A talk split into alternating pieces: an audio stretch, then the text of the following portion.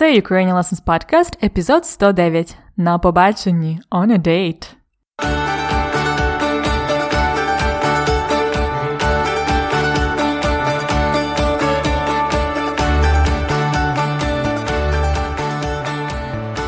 Добрий день, це Анна, ваша вчителька української. Ви слухаєте мій подкаст Уроки української. Уроки для всіх, хто вивчає і любить українську мову. Розпочинаємо епізод 109. Це третій сезон для високого рівня української мови. Назва сьогоднішнього уроку на побаченні. Інтригує? Завжди цікаво говорити на романтичні теми, правда? Деякі люди навіть вивчають українську мову, щоб запросити когось на побачення. Чому б і ні? Гарна причина. Отже, дуже скоро ви зможете послухати розмову Христини на побаченні. Також сьогодні ми поговоримо більше про так звані зворотні дієслова. Це дієслова, які закінчуються на ся. Як завжди, на вас чекають також дієслово дня, фразеологізм дня та культурний факт. Готові починати цей романтичний урок? Today's lesson is about побачення, a date. Інтригує? It's always fun to talk about some romance. Some people even learn Ukrainian in order to invite someone on a date. Why not? Гарна причина. Good reason. So today you will hear a conversation on a date. Then we will talk about зворотні дієслова, the reflexive verbs, the ones that end with ся. So, ready to start this romantic lesson? Готові починати цей романтичний урок?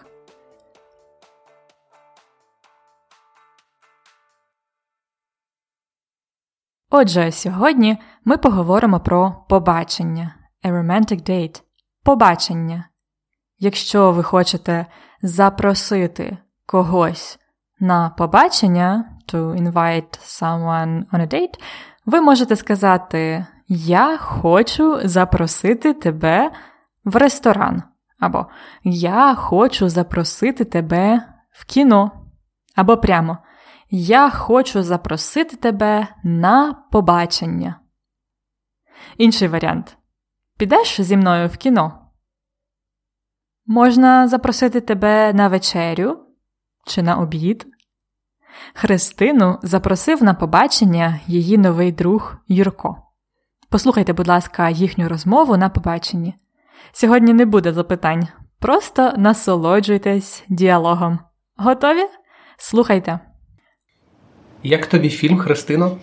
М, цікавий. Мені постійно здавалося, що все закінчиться добре. Угу. Досить неочікуваний фінал. Так, і це мені найбільше сподобалося. Христино, от чого б тобі зараз хотілося найбільше? М, навіть не знаю. Ну, наприклад, кави, какао чи морозива. Чи ти голодна?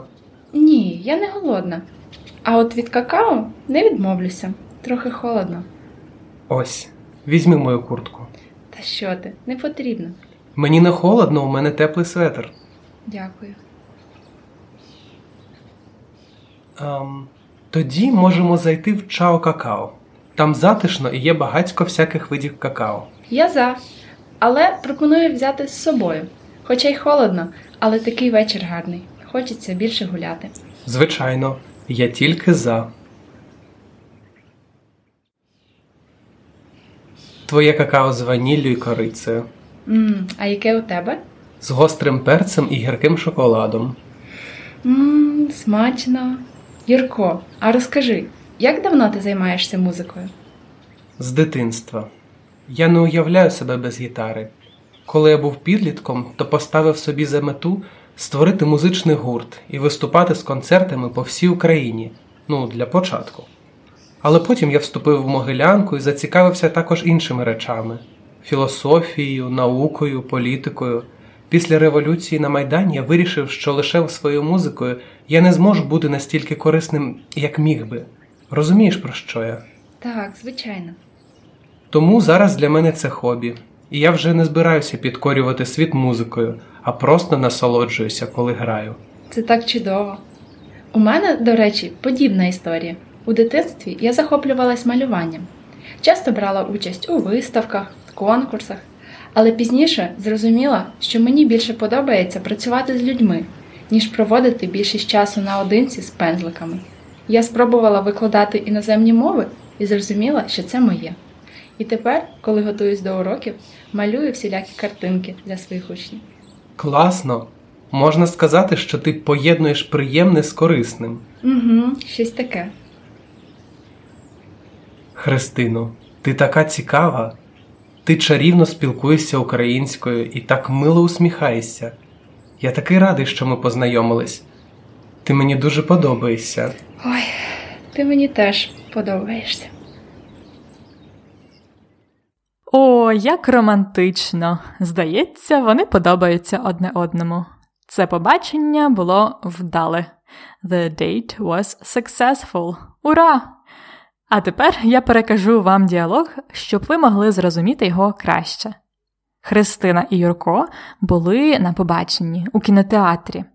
Спочатку вони обговорюють фільм. Той фільм, здається, мав досить неочікуваний фінал. It had unexpected ending. Неочікуваний фінал. І це їм сподобалось. Юрко спитав у Христини, чого б тобі зараз хотілося найбільше? Чого ти хочеш зараз найбільше? Христина каже: Я не голодна, але від какао не відмовлюся. Відмовитись is to say no, to refuse. Не відмовлюся. I'll take it, I won't refuse. Від какао не відмовлюся. Тобто, я б хотіла какао. Було трохи холодно, і Юрко наполіг, insisted, наполіг на тому, щоб Христина взяла його куртку. Такий джентльмен це Юрко.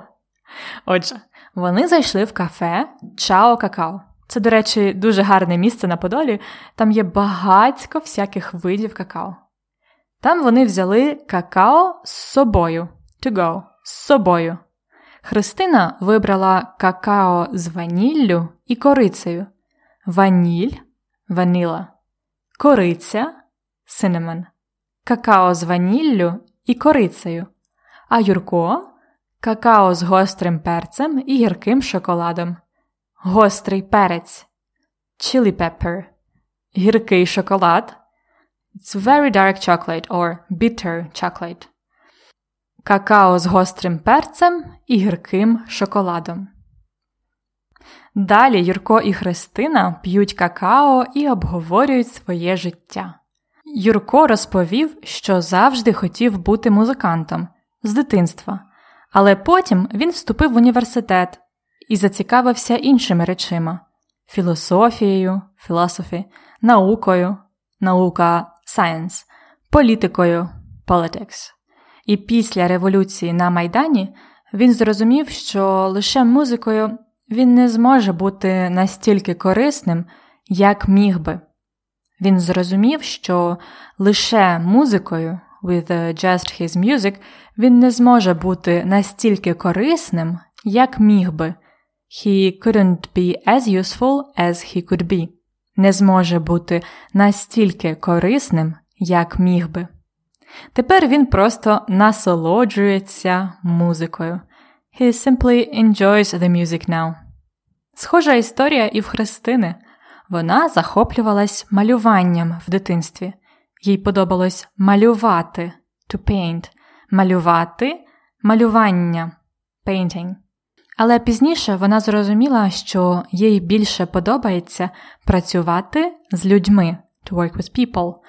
Тому зараз вона може використовувати свої малюнки her paintings, навчаючи людей, працюючи вчителькою англійської мови. Юрко каже, що вона поєднує приємне з корисним. It's what we say in Ukrainian sometimes to combine pleasant and useful things поєднувати приємне з корисним. Наприкінці діалогу ви почули найромантичніший момент третього сезону нашого подкасту. Юрко сказав Христині різні гарні слова, компліменти. Ти така цікава, ти так чарівно спілкуєшся українською.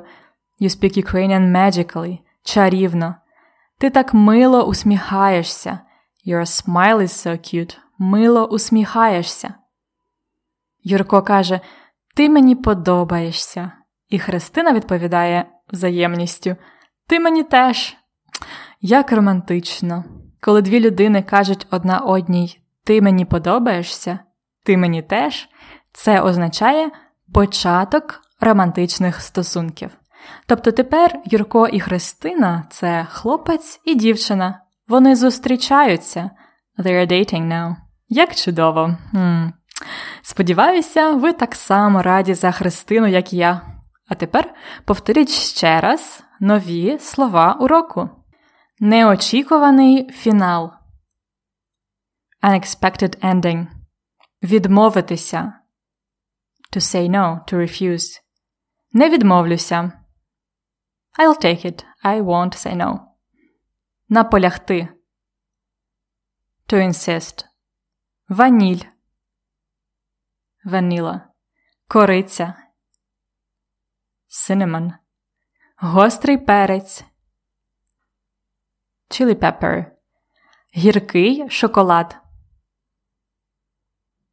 Dark bitter chocolate. Насолоджуватися. To enjoy. Малювати. To paint, to draw. Поєднувати приємне з корисним. To combine pleasant and useful things. Чарівно. Magically.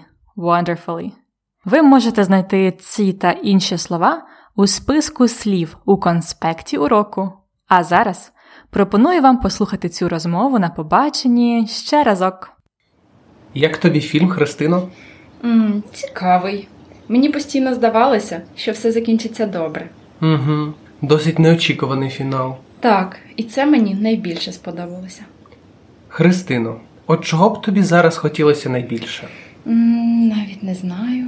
Ну, наприклад, кави, какао чи морозива. Чи ти голодна? Ні, я не голодна. А от від какао не відмовлюся. Трохи холодно. Ось, візьми мою куртку. Та що ти, не потрібно. Мені не холодно, у мене теплий светр. Дякую.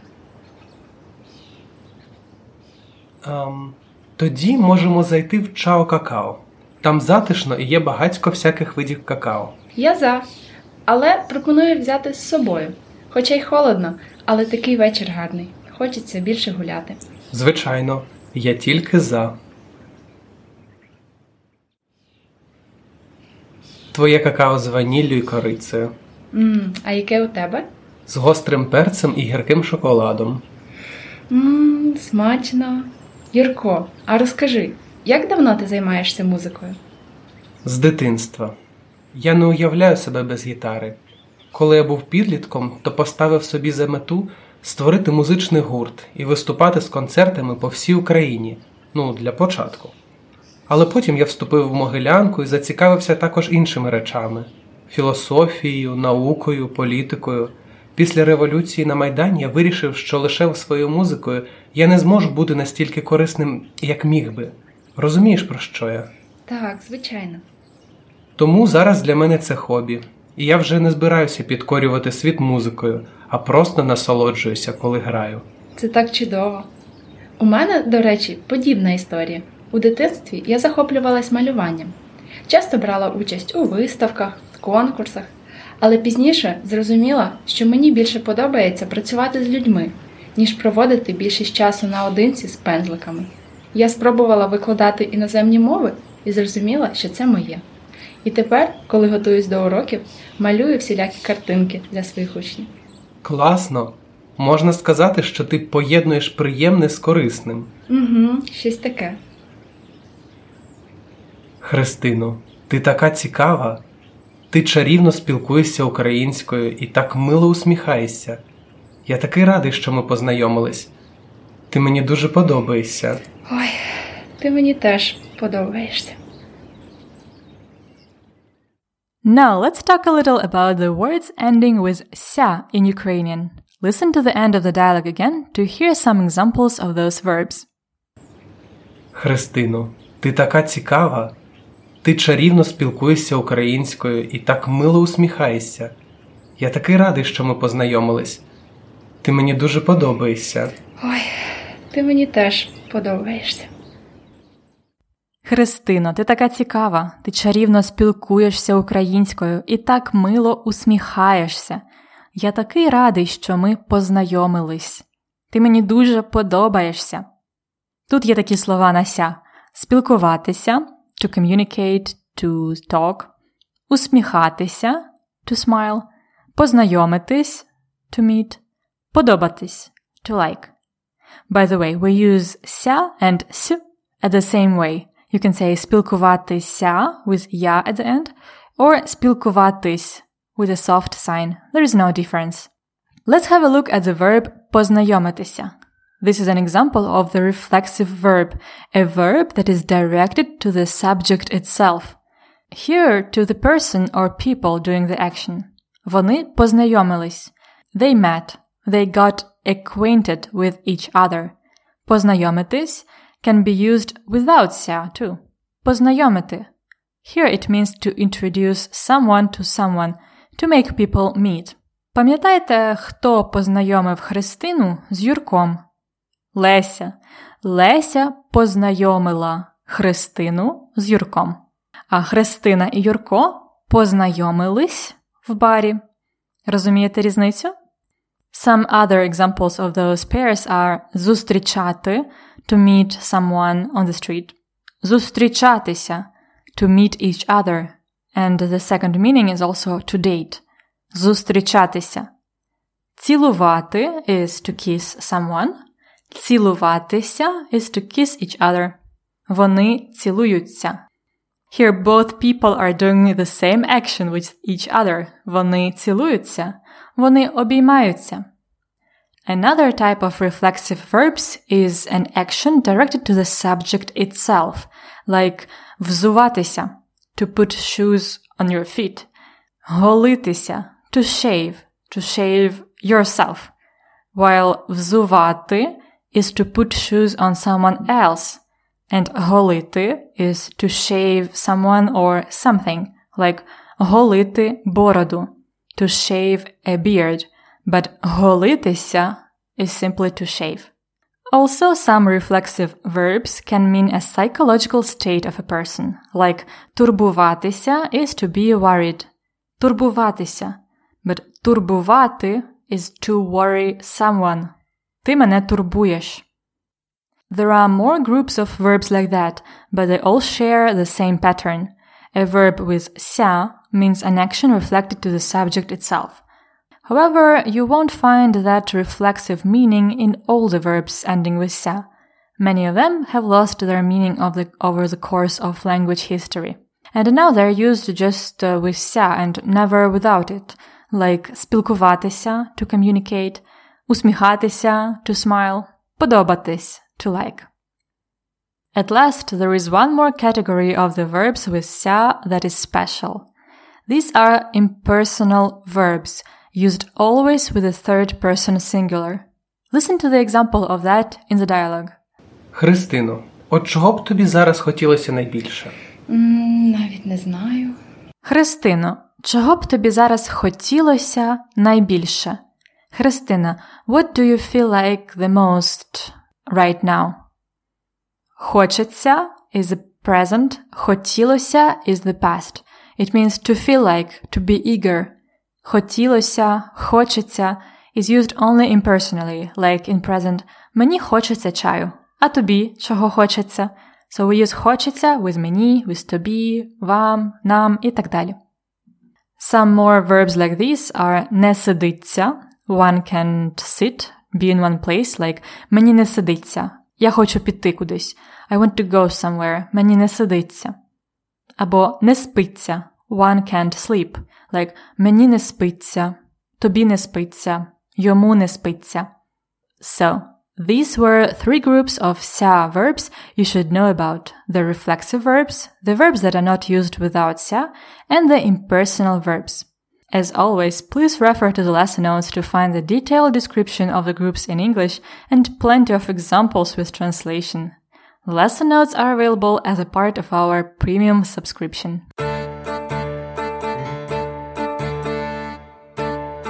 Дієслово дня. Послухайте, будь ласка, уривок діалогу з дієсловом дня.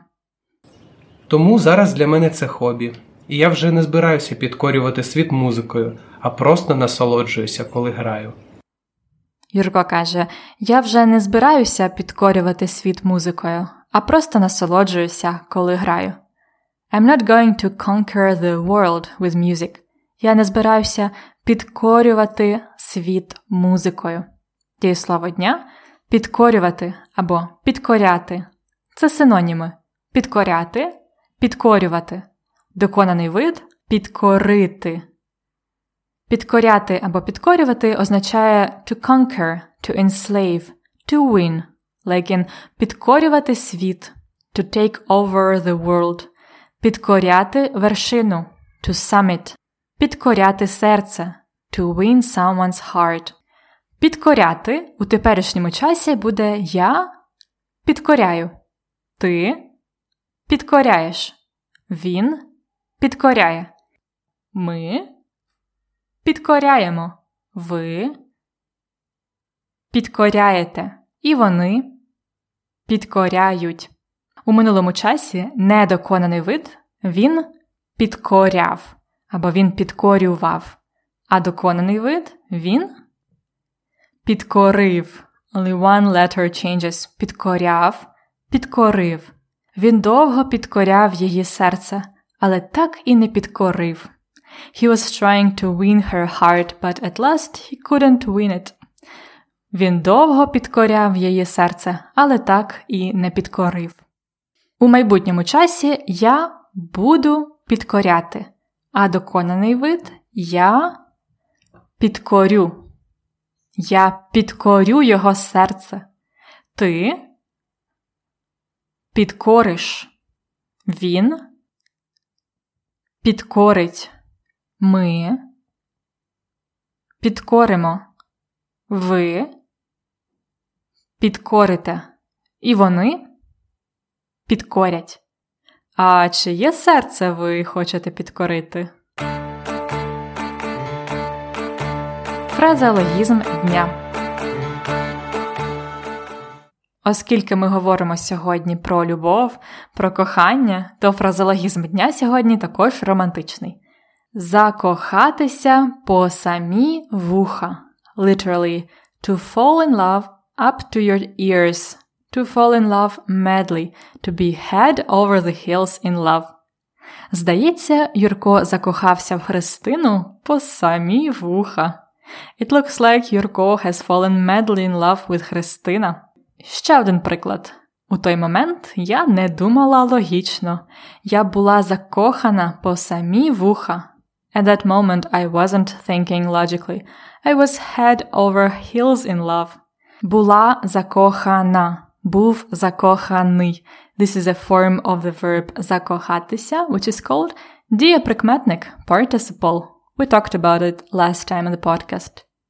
А ви, коли ви були закохані по самі вуха?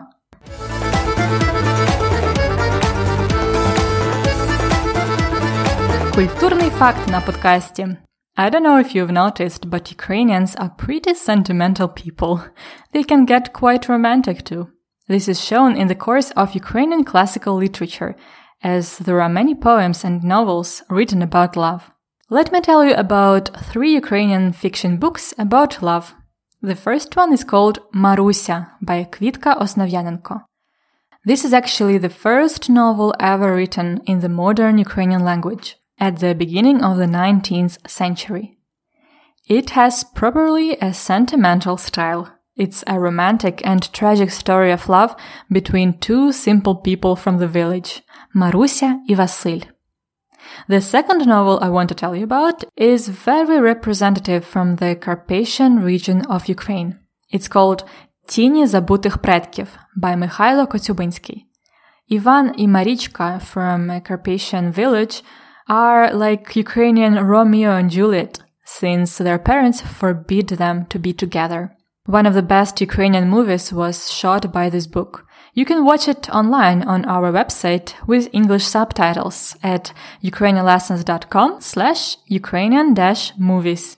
And the last book for you is a verse novel. It's like a very, very long poem by one of our most influential Ukrainian female writers, Lina Kostenko.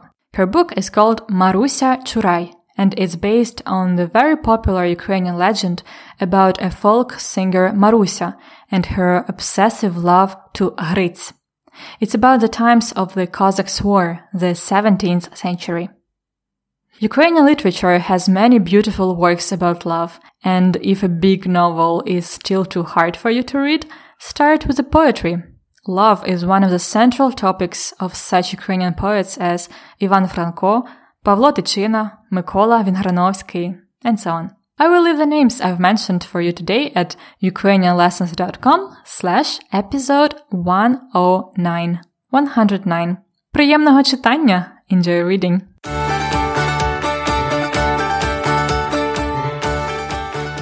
Ось і все на сьогодні. Наступного разу на вас чекає урок повторення, нове голосове повідомлення Христини про її життя і її почуття. Не пропустіть!